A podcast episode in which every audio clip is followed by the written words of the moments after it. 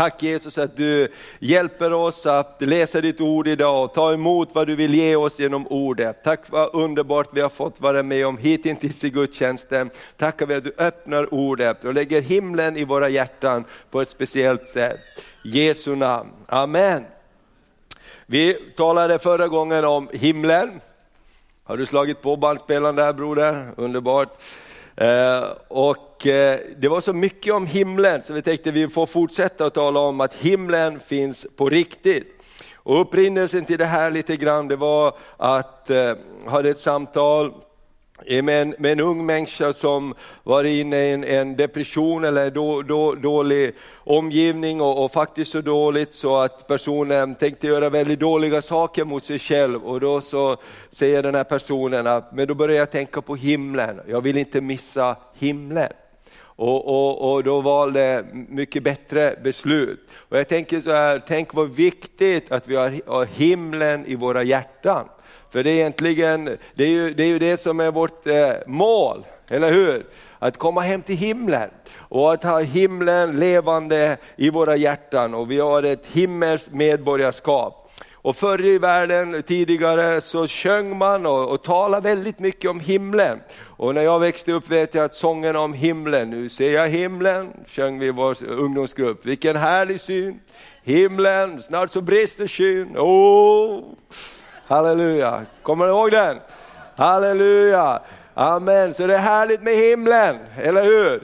Amen. Och, och, och därför behöver vi bli uppfyllda med himlen, för när du står inför olika val så måste du tänka på den himmelska målet, det himmelska kallelsen du och jag har. Och så börjar jag titta på det här med himlen och, och eh, och då ser jag ju att det är ett väldigt stort ämne i Bibeln och man kan söka lite grann så här, hur många gånger står det, hur många verser finns det om olika saker. Och då så ser jag så här att jag slår upp nåd, det är ju ett fantastiskt stort ämne i Bibeln, eller hur?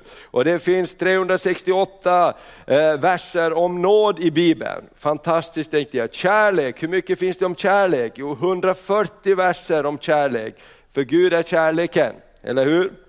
Och frid, det är ju jätteviktigt, Gud vill ge oss frid. Det står 156 gånger om frid. Och tänkte jag bön, det är ju också någonting väldigt viktigt. Och det står 160 gånger ungefär om bön. Och sen så slår jag upp himlen och då står det 448 gånger verser om himlen i Bibeln. Och då tänker jag så här att det här är ju väldigt viktigt. Om Bibeln skriver så mycket om himlen så måste himlen vara viktig. Och, och eh, förra, eh, jag tror också att Herren vill hjälpa oss att förnya våra tankar om vad himlen verkligen är. Vad som händer när du ber till himmelens Gud om hjälp. Amen. Därför att när du ber till himmelens Gud om hjälp, då är det inte bara några små knubbiga änglar på molnen som flaxar med vingarna. Utan när du ber himmelens Gud så förlöses det hjältar i himlen. Det står att de är, de är fantastiska varelser. Och vi, vi läste lite i, i ungdomsmötet här om, från Hesekiel 1. Kan vi läsa några verser från Hesekiel 1? Du vet att när, när, vi pratar om himlen, då är det riktiga grejer. Då är det liksom Harry Potter och sådana grejer, det är liksom bara ingenting. va. Och, och, och, och, Sagan om ringen och allt vad du kanske har sett på, för när du börjar läsa om himlen, då är det riktiga grejer. Och så här står det i Hesekiel, eh, första kapitlet, för Hesekiel han var en, en profet och han eh, eh, blev kallad och då står det så här att Gud öppnade hans ögon och, och han började se eh, vad som fanns i himlen. Och eh, jag, jag blev alldeles fascinerad när jag läste det här, för jag håller på och läser i min bibelläsningsplan och du vet att eh, det är så bra att läsa igenom bibeln, för då kommer man till ställen man kanske inte annars kommer till. Eller hur? Jag hoppas att du är med och läser, försöker läsa igenom Bibeln eller läs, i det här året, eller Nya Testamentet åtminstone. Men då kommer jag till Hesekiel 1 och då står det så här. I det trettionde året på femte dagen i fjärde månaden när jag var bland de bortförda vid floden Kebar. Han var alltså, Israels folk hade blivit fångna och de fördes bort eh, och, och där var Hesekiel bland dem.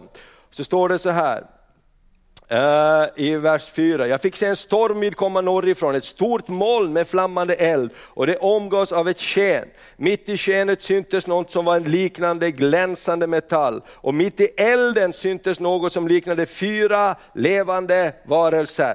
De såg ut som människor och varje väsen hade fyra ansikten och var och en av dem hade fyra vingar. Deras ben var raka och deras fötter liknade fötter på en kalv och de glänste som skinande koppar. De hade människohänder under sina vingar på alla fyra sidor. Alla fyra hade ansikten och vingar. Deras vingar slöt sig till varandra och när de gick behövde de inte vända sig utan de gick alltid rakt fram. Amen. Himlen har mera än små knubbiga änglar som sitter på moln, eller hur? Deras ansikten liknade människoansikten och alla fyra hade lejonansikten på högra sidan. På vänstra sidan hade alla fyra tjuransikten och alla fyra hade örnansikten. Hur går det till? Ja, himlen går det till så. Så var det med deras ansikten, deras vingar var utbredda upp till. Varje väsen hade två vingar som de rörde vid varandra med och två som täckte deras kroppar. De gick rakt fram.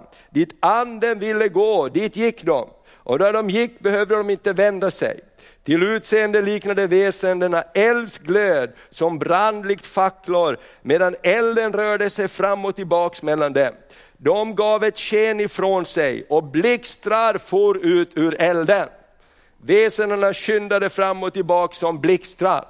När du och jag ber himmelens Gud om hjälp, så är det inga små knubbiga änglar som flaxar iväg, utan det här är vad som sätts i rörelse i himlen. Inte undra på att fienden vill att vi inte ska tänka på himlen. För när vi börjar tänka på himlen, himmelens Gud, kom till min hjälp, furudum, Halleluja, då kommer det väsen som är stora och fantastiska och det går blixtrar och dunder ut ur dem. Och så står det i vers 15, men när jag såg på dem så fick jag se ett hjul på jorden bredvid väsendena med de fyra ansiktena. De, det såg ut som hjulen var gjorda av något som liknade krysolit och alla fyra var likadana. Ett hjul tycktes vara inuti ett annat hjul så att det kunde gå åt alla fyra hållen utan att vända sig. Julringarna var höga och skrämmande och på de fyra var julringarna fullsatta med ögon runt omkring. Du vet att Bibeln säger att Guds ögon överför hela jorden för att han med sin kraft ska bistå dem som hänger sig till honom. Inte undra på, han har massor av ögon. Eller hur? Och så står det så här, julringarna var, och när väsena gick, gick också julen bredvid dem. I vers 19 läser vi nu. Och när de lyfte sig över jorden lyfte sig också julen. Dit anden ville gå, dit gick det. Och julen lyfte sig tillsammans med dem, när väsendenas ande var i julen. När väsendena gick, gick också julen. När de stod stilla, stod också julen stilla. Och när de höjde sig från jorden, så höjde sig också julen, ty väsendenas ande var i julen. Över väsenenas huvudet syndes något som liknade ett himlavalv, likt underbar kristall, utspänt över deras huvuden. Under valvet var deras vingar utbredda rakt emot varandra. Varje väsen hade två vingar som täckte den ena sidan av kroppen och två som täckte den andra sidan. När de gick lät ljudet av deras vingar i mina öron som bruset av stora vatten. Halleluja! När du åkallar himlens Gud så sätts det igång en kraft som är likt bruset av stora vatten. Amen. Likt den allsmäktiges röst, ett väldigt dån, likt dånen från en här. Halleluja. När de stod stilla höll de sina vingar sänkta och en röst hördes från himlavalvet över deras huvuden där de stod stilla med sänkta vingar. Ovanför valvet över deras huvuden syntes något som liknade en tron gjord av safirsten. På det som liknade en tron satt en gestalt som såg ut som en människa. Vem trodde det var? Jesus. Och jag såg något som liknade glänsande malm, omgivet runt omkring av något som liknade eld, från det som tycktes vara hans Eh, höfter och ända upp. Och neråt från det som såg ut att vara hans höfter såg jag något som såg ut som eld omgiven av ett sken. Skenet syntes runt omkring som bågen i skyn en regnig dag. Detta var en syn som liknade Herrens härlighet. När jag såg den föll jag ner på mitt ansikte och jag hörde rösten av någon som talade. Amen. Det här är himlen mina vänner. Och låt ingen förminska himlen för dig och mig. Låt ingen förminska den himmelska Herrens kapacitet och kraft. Och du och jag, vi är ett Guds folk, eller hur? Vi är ett Guds folk. Bibeln säger att vi har vårt medborgarskap i himlen. Amen. Och vi ska repetera lite ifrån förra, förra eh, gången vi, vi pratade om det här. Vi pratade om fem sanningar om himlen. Den första sanningen är att himlen är en plats full av aktivitet. Och vi kan läsa mycket om det, vi läste just i Hesekiel om allt som finns där uppe. Eh, och nummer två, det som finns i himlen är tillgängligt här på jorden. Jesus sa, ske din vilja så som i himlen, så på jorden. Han ville att vi skulle be så. Halleluja, när jag läser om Hesekiel så blir jag ännu mer taggad att be, Gud ske din vilja på jorden som den är i himlen. När du behöver hjälp, ropa till himlens Gud om hjälp. Amen. Och det sätts i, i rörelse ett dån som stora vattenfloder och, och, och, och, och någonting underbart händer. Och nummer tre, ditt hemland är i himlen där du har ditt medborgarskap. Filipperbrevet 3.20 säger, vi har vårt medborgarskap i himmelen och därifrån väntar vi Jesus tillbaks. Amen. Är du glad för ditt himmelska medborgarskap? Amen. Du har ett pass där det inte står Europeiska unionen, eller Sverige, eller Finland, eller El Salvador. Du har också ett himmelskt pass där det står en stämpel, friköpt, förlåten, godkänd, halleluja, älskad. Prisat vare Herrens namn. Det passet ska du vara väldigt, väldigt försiktig med. Eller hur? Det passet ska du inte tappa bort, det passet ska du inte låta sudlas ner av alla möjliga grejer. Det passet är väldigt bra att ha. Nu har jag bytt kavaj, jag har det i min andra kavaj. Det är så underbart när man kommer och så lägger man fram passet. Amen, och det är godkänt. Och man vet, vi har människor som flyr från hela världen till Sverige och till andra länder därför att de vill ha ett nytt pass. De vill ha ett pass som är godkänt. De vill ha ett pass som ger dem frihet att resa över hela världen. Och det passet du har fått från himlen, där det står en himmelsk medborgare, ger dig auktoritet här på jorden att handla i hans namn. Amen. Därför du tillhör himlen och låt ingen ta det bort ifrån dig. Amen. Det fjärde som vi pratar om, Gud har förberett himlen för alla sina barn och genom tron så kommer du dit. Och det femte vi pratar om, den himmelska destinationen bestäms här på jorden. Du och jag bestämmer om vi ska komma till himlen eller inte och det beslutet gör du och jag här på jorden. Om vi vill lösa in ett himmelspass, så kommer vi till korset, så kommer vi till Jesus och säger Jesus, fräls mig, rena mig med ditt blod och så kommer du att få ett himmelskt pass. Så den himmelsk, din himmelska destination bestämmer du här på jorden. Och nu ska vi gå in lite till här och läsa några bibelord till. Himlen finns på riktigt. Så som vi tänker, så handlar vi. Och det första jag vill läsa eh, är Kolosserbrevet 3, 1-3. Bibeln uppmanar oss att tänka på det som är där ovan. Jag kan ta upp den bilden också. Bibeln uppmanar oss att tänka på det som är där ovan. I Kolosserbrevet kapitel 3, vers 1-3, då står det så här. Ni, då ni alltså har uppstått med Kristus, sök då det som är där ovan, där Kristus sitter på Guds högra sida. Tänk på det som är där ovan, inte på det som är på jorden. För ni har dött och ert liv är dolt med Kristus i Gud. Tänk på det som är där ovan. Bibeln uppmuntrar oss att tänka på himlen. Amen. Hur många har problem här på jorden? Hur många har mer än ett problem? Vi har många problem här på jorden och det kommer nya, har du märkt det också? När du har fixat ett problem så kommer det ett nytt. Va? Och, och, och då, därför så säger i Bibeln att du får inte bara vara tänka och fixerad på jorden, du måste också vara fixerad på himlen. Tänk på himlen! Amen, annars så tröttnar ni och uppgivs era hjärtan. Så Bibeln uppmanar oss, tänk på det som är där ovan. Halleluja, jag blev så glad över Hesekiel för nu så har min tanke om himlen blivit lite förnyad. Halleluja, när jag ber så finns det en hel här där uppe och de krafter jag kallar på när jag ber himlen om hjälp, det är väldiga grejer. Halleluja! Alltså, du skulle bli skraj om du skulle se en sån där varelse med fyra huvuden och vingar och ögon och det rör sig åt alla håll och blixtar och dunder komma. Halleluja! Inte undra på att fienden flyr!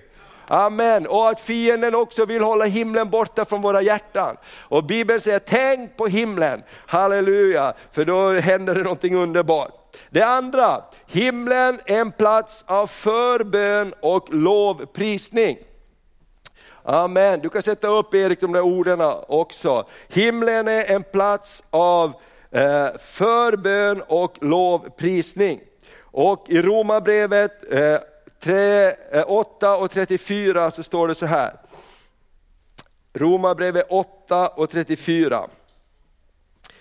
Vem är det som fördömer? Kristus Jesus är den som har dött, ja än mer den som har blivit uppväckt och som sitter på Guds högra sida och han ber för oss. Amen. Kristus ber för oss. Himlen är en plats full av förbön och himlen är en plats full av lovprisning. Vi ska också titta i Uppenbarelseboken, eh, det sjunde kapitlet och åttonde kapitlet. För i Uppenbarelseboken står det mycket om himlen. Och i det sjunde kapitlet från vers 9 så står det så här, vers 9 till 12. Därefter såg jag och se en stor skara som ingen kunde räkna av alla folkslag och stammar och länder och språk. De stod inför tronen och inför lammet de var klädda i vita kläder och med palmblad i händerna. Och de ropade med hög röst, frälsningen tillhör Gud och Lammet, honom som sitter på tronen och Lammet. Och alla änglar stod runt omkring tronen och kring de äldste och kring de fyra väsendena och de föll ner på sina ansikten inför tronen och tillbad Gud. Och de sa Amen, lovet, priset, visheten, tacksägelsen, äran, makten och väldet tillhör vår Gud i evigheternas evighet. Amen. Så himlen är en plats fylld av bön och lovprisning. Och det är därför det är så härligt när vi ber och när vi lovprisar så stämmer vi in med den himmelska sången. Det pågår en sång i himlen, det pågår lovprisning i himlen.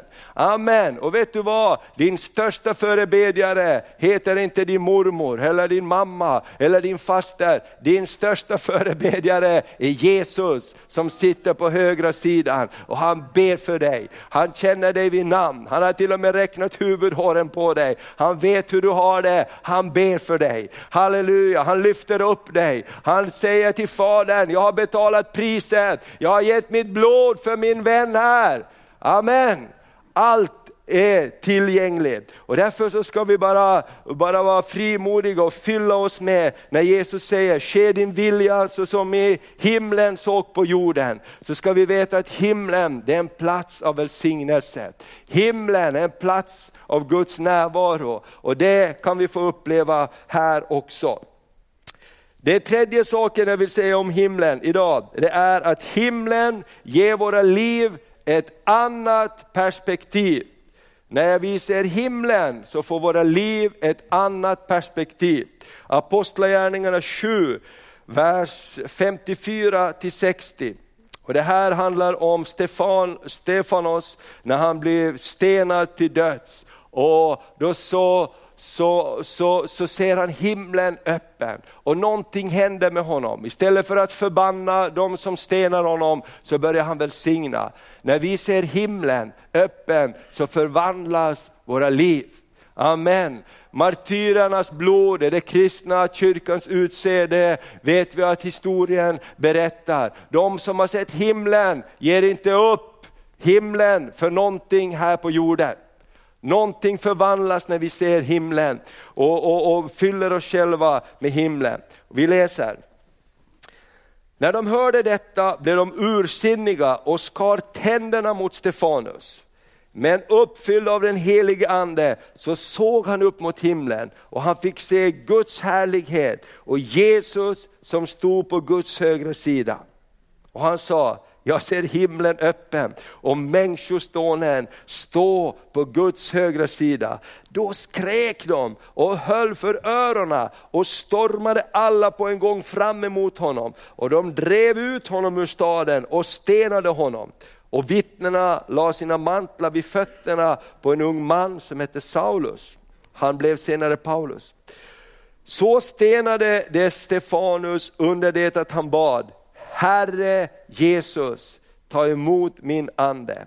Sen föll han på knä och bad med hög röst, Herre, ställ dem inte till svars för deras synd. Med de orden insomnade han. Himlen gör att vi får en annan attityd. Amen. Vet du vad? Himlen är fylld av nåd. Himlen är fylld av kärlek. Du och jag, vi har ofta en tendens att vi vill bli behandlade av nåd och kärlek, eller hur? Hur många vill bli behandlade med nåd och kärlek? Vi säger tänk på mig med nåd och kärlek. Men vi har också en tendens att vi vill att alla runt omkring oss ska bli bedömda med rättvisa. Eller hur? Visst är vi ganska märkliga? Gud, du förstår mig, min situation, jag behöver din nåd och kärlek. Men de där, som har gjort sådär, Gud ta itu med dem och lär dem en riktig läxa. Är det någon som känner igen sig? Visst, vi är så människor, vi vill behandla det med nåd och kärlek, men vi vill att Gud ska behandla andra med rättvisa. Men Gud, han behandlar alla med nåd och kärlek. Amen. När Stefanos fick se Jesus, för Stefanus fick se himlen öppen, då sa han, Fader förlåt dem, förlåt dem det de gör, förlåt dem att de stenar mig till döds. Räkna dem inte det till godo, förlåt dem som du har förlåtit mig.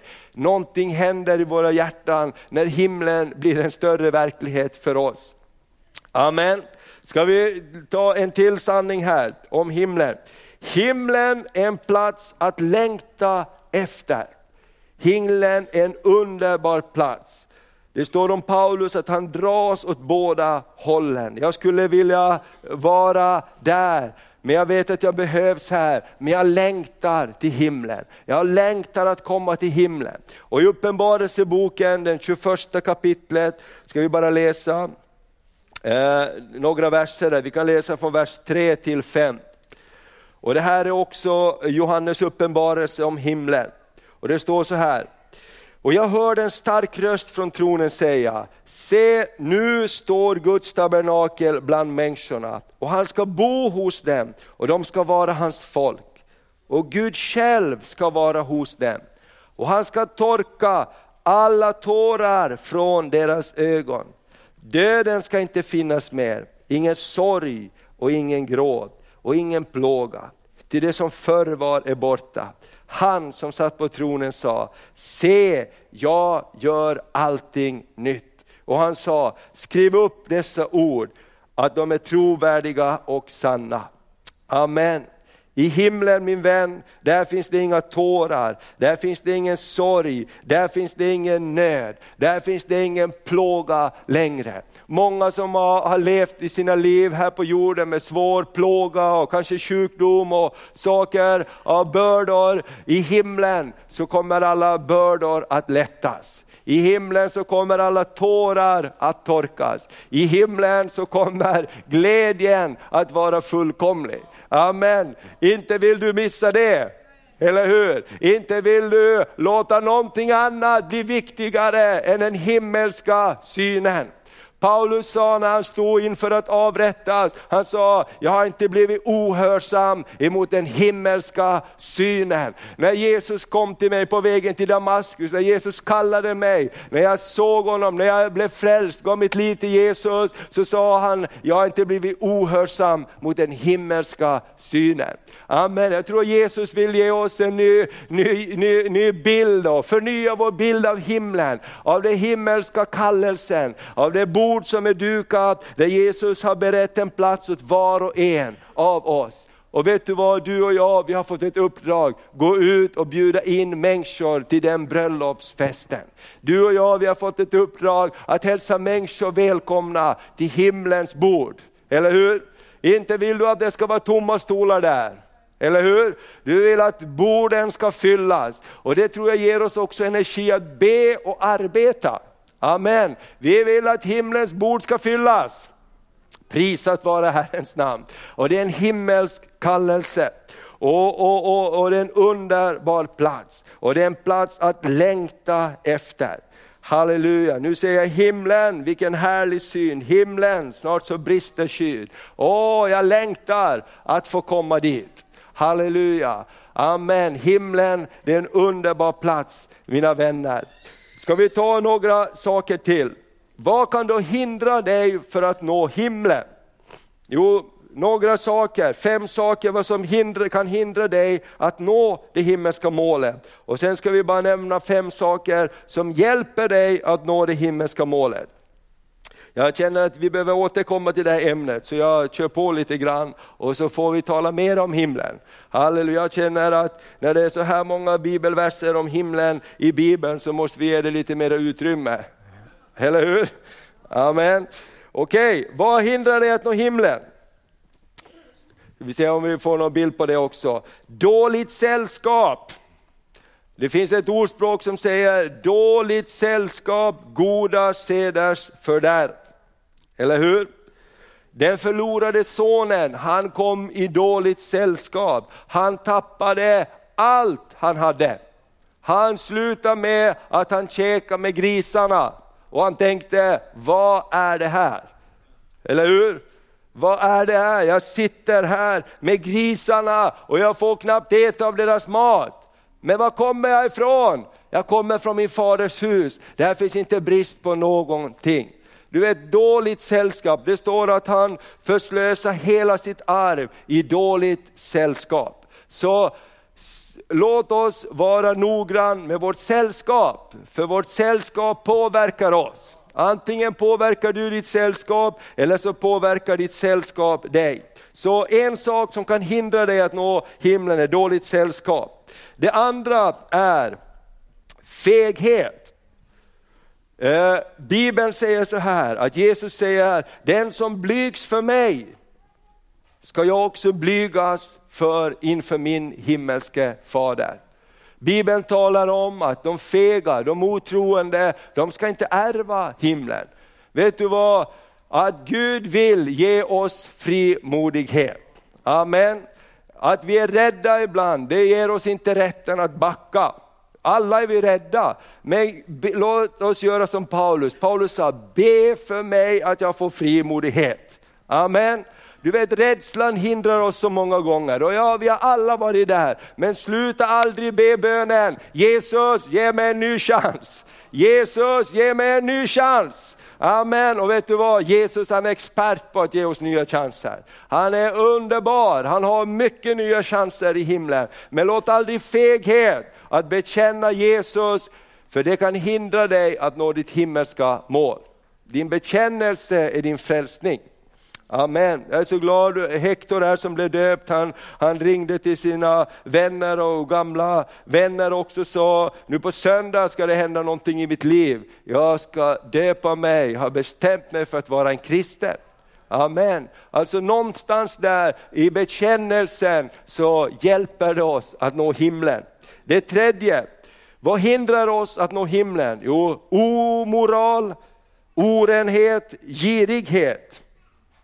Kan vi läsa Uppenbarelseboken 21 här, lite grann. Därför det här är viktiga saker. Du vet att första gången vi pratade om himlen, då citerade jag William Booth. Och han sa så här inför 1900-talet, han profeterade och sa, månne Guds församling kommer vara en församling som talar om frälsning utan omvändelse. Talar om en himmel utan ett helvete. Talar om en tro utan efterföljelse. Och det är mycket så det är idag. Och därför så är det också viktigt när vi pratar om himlen, att det är en plats som Gud har berett för alla människor. Att man kan missa himlen om man inte låter himlen vara dyrbar i sitt hjärta. Och så här står det i Uppenbarelseboken eh, 21 och 8 ska vi se, står det så här. Men eh, det står den nya himlen och den nya jorden. Men de fega, de otroende och de kändliga, mördarna, de otuktiga, trollkarlarna, avgudadyrkarna och alla lögnare ska få sin del i sjön som brinner av eld och svavel. Kapitel 22, vers 15 står det så här. Men ut, eh, eh vers 14 läser vi också i kapitel 22 i Uppenbarelseboken. Saliga är de som tvättar sina kläder, för de ska få rätt i livets träd och få komma in i staden genom dess portar. Men utanför är hundarna och trollkarlarna, de otuktiga och mördarna, avgudadyrkarna och alla som älskar lögn och far med osanning. Och om man gör det så missar man sitt himmelska mål. Amen. Det spelar faktiskt roll. Och vi läste förra gången om det evighetens destination bestäms här på jorden. Vi läste i Uppenbarelseboken att böcker upplåts och där så står det att en bok uppläts som det var livets bok och alla som var skrivna i livets bok var välkommen in till himlen. Vet du hur ditt namn blir skrivet i livets bok? När du tar emot Jesus, när du lever i omvändelse med korset i ditt liv. Amen. Då skrivs ditt namn med Jesu blod i den boken. Och det är någonting underbart. Och det, det, det, det, då, då är du en medborgare i himlen. Och sen är det också så att vi alla gör fel och misstag, men då finns det Jesu blod som renar oss från all synd. Men vi behöver omvända oss, för det finns ingen kristen tro utan omvändelse. Därför du och jag består av två delar. Jag är ledsen att behöva säga det här, men jag har upptäckt det allt för många gånger så att jag vet att det är sant. Och Bibeln talar om den gamla Thomas och den nya Thomas. Det finns en del som är, är, är, drar åt helt fel håll. Hur vackert du än ler så finns det någonting i oss som vill bara gå åt fel håll. Och så finns det anden som drar till Gud. Och det här står i strid med varandra och vi måste gång på gång böja oss för korset. Vi måste gång på gång säga, jag är inte min frälsning, jag klarar mig inte utan korset. Amen, jag behöver det för att nå mitt himmelska mål. Okej, okay. det sista, vad hindrar dig att, eh, några saker till här. ja. Eh, fjärde, hindrar dig att nå himlen? Jo, om du lämnar det är troendes gemenskap, församlingen. Bibeln säger att många har lämnat gemenskapen och de har lidit käppsbrott i sin tro. Vad betyder det att lida käppsbrott? Jo, man kommer inte fram. Eller hur? Jag har åkt på grund någon gång och då så kommer man inte vidare om ingen kommer och hjälper en därifrån. Eller hur? Då kommer någon och hjälper en därifrån. Men får man ingen hjälp då lider man käppsbrott och då kommer man inte fram. Så låt inte gemenskapen, det troendes gemenskap, låt inte det vara lätt i ditt liv, låt det vara viktigt i ditt liv. Då når du fram. Och Den sista saken som kan hindra dig att nå himlen, det är att du vägrar att förlåta. Markus 11 och 24 säger så här till 26. Därför säger jag er, allt vad ni ber om och begär, tro att ni har fått det, så ska det vara ert. Och där ni står och ber, så förlåt om ni har något emot någon. För då skall också er himmelske fader förlåta er era överträdelser. Så oförlåtelse gör att himlen stängs för oss. Förlåtelse gör att himlen öppnas för oss. Amen.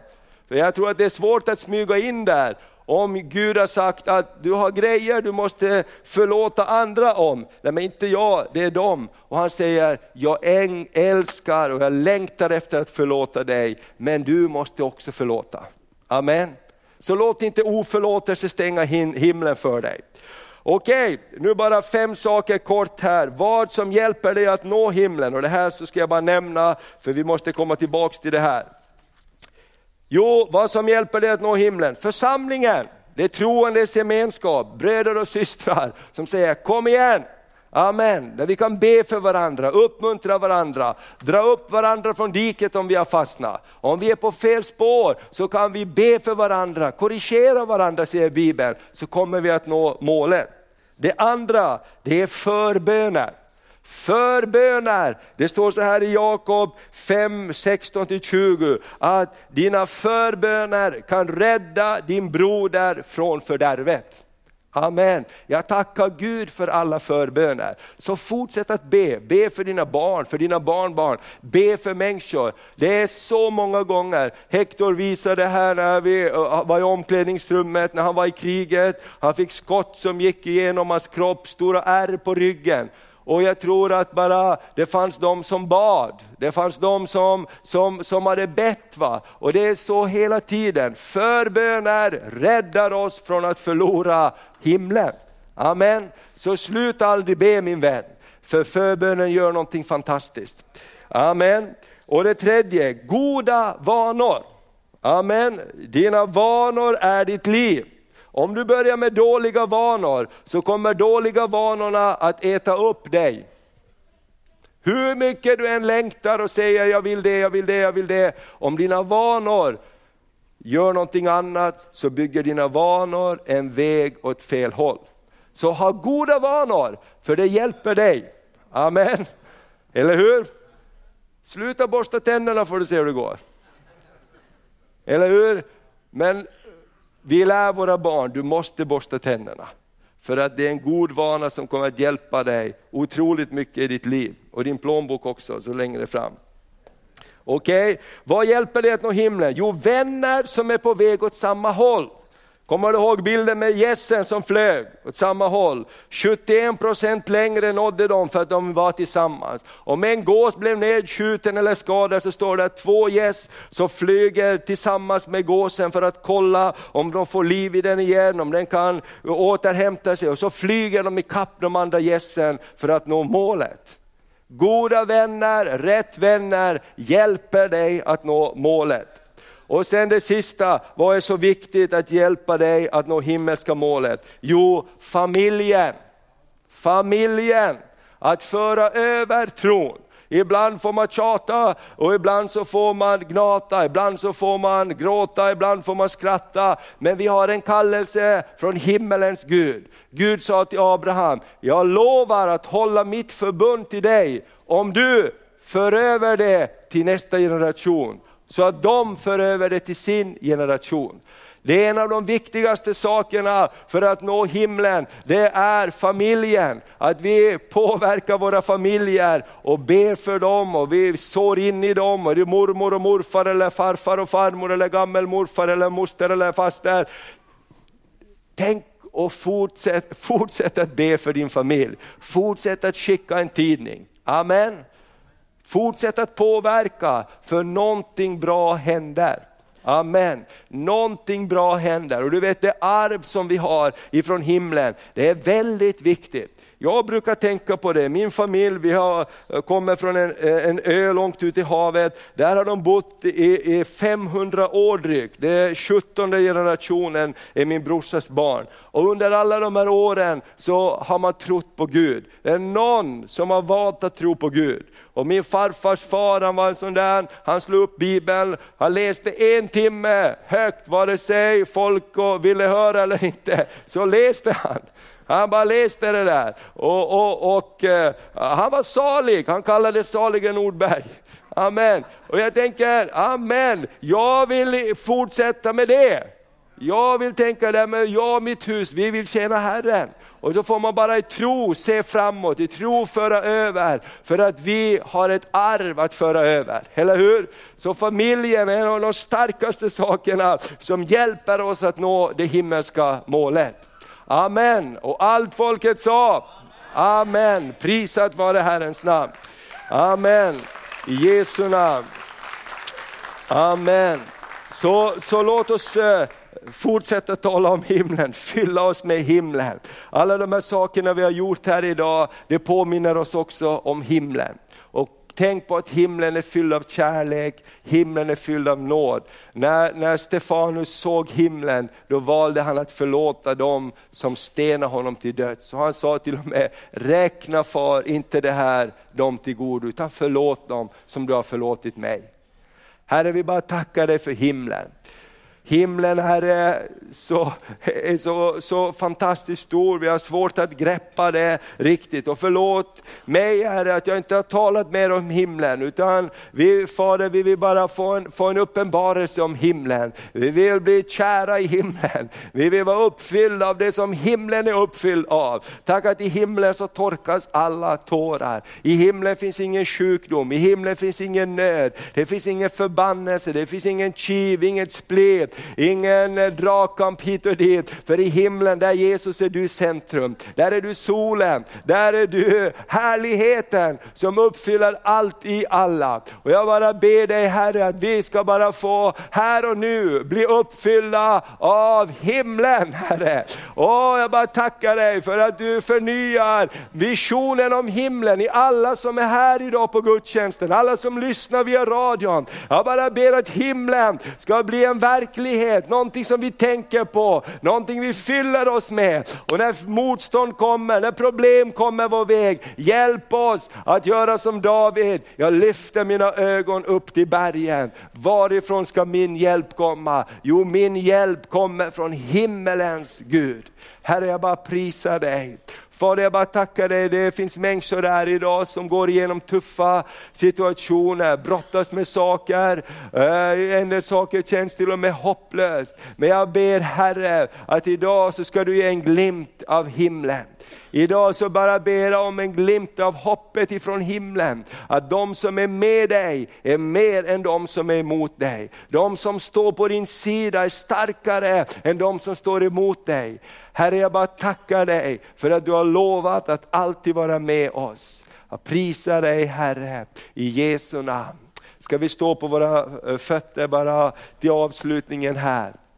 Åh, jag bara tackar dig Jesus. Jag vill bara fråga här också innan vi avslutar gudstjänsten, om du är här och du känner i ditt hjärta att jag behöver göra himlen till en verklighet i mitt liv igen. Jag har tappat blicken på himlen, jag har tappat blicken på himlen och jag, jag vet inte ens om jag är frälst, jag vet inte ens om jag är redo om Jesus skulle komma idag. Jag vet inte om det jag håller på med, om det skulle hålla inför Fadern. Så bara där du står så bara kan du lyfta upp din hand inför Jesus som ett tecken på Jesus, jag behöver dig, jag behöver korset, jag behöver reningen i mitt liv, för jag vill nå den himmelska destinationen. Och där du än står, bara lyft din hand inför Jesus. Och där du bara står, bara lyft din hand inför Jesus. Amen, Gud välsigne dig, Gud välsigne dig. Amen, Gud välsigne dig. Och jag bara prisar dig Herre, jag bara prisar dig för att i Jesu Kristus Kristi namn så bara bryter vi oh, förbannelse, vi bryter världens makt och ande i Jesu namn. Vi bryter det som försöker dra oss bort från det himmelska målet. I Jesu namn orenhet, det bara lägger vi ner inför korset. Här är allt som inte behagar dig. För det står att inför dig ligger allt öppet och uppenbart. Och inför dig så kan vi inte komma med undanflykter. Inför dig så går det inte Herre med en bra förklaring när du har gett blodet som renar från all synd. Herre jag bara tackar dig för blodet som renar från all synd. I Jesu Kristi namn. I Jesu Kristi namn. Tack för läkedom Herre. Tack för läkedom Herre. Tack att genom dina sår har vi läkedom Herre. Åh, jag bara tackar dig för våra vänner här Fader. Tack för Maurits Fader, tack för läkedom Fader. Läkedom Herre, du ser hans brutna kropp Herre. Men ditt namn är läkedom, du är Herren vår läkare. Tack att du kommer med läkedom till vår broder Herre. Halleluja, tack att du är större än varje omständighet Herre. Jesus vi bara prisar dig, vi bara lovar dig i Jesu namn, i Jesu namn, i Jesu namn. Och känner du så här att jag skulle behöva prata lite mera, jag skulle behöva få förbön, att någon ber med mig, så finns vi här efteråt och vi har bönerummet där och, och vi har aldrig bråttom efter gudstjänsten. Så, så bara känner du så här att det var någonting mer jag skulle behöva få förbön för, så, så stanna bara kvar. Kom bara så ska vi be tillsammans. I Jesu namn. Amen.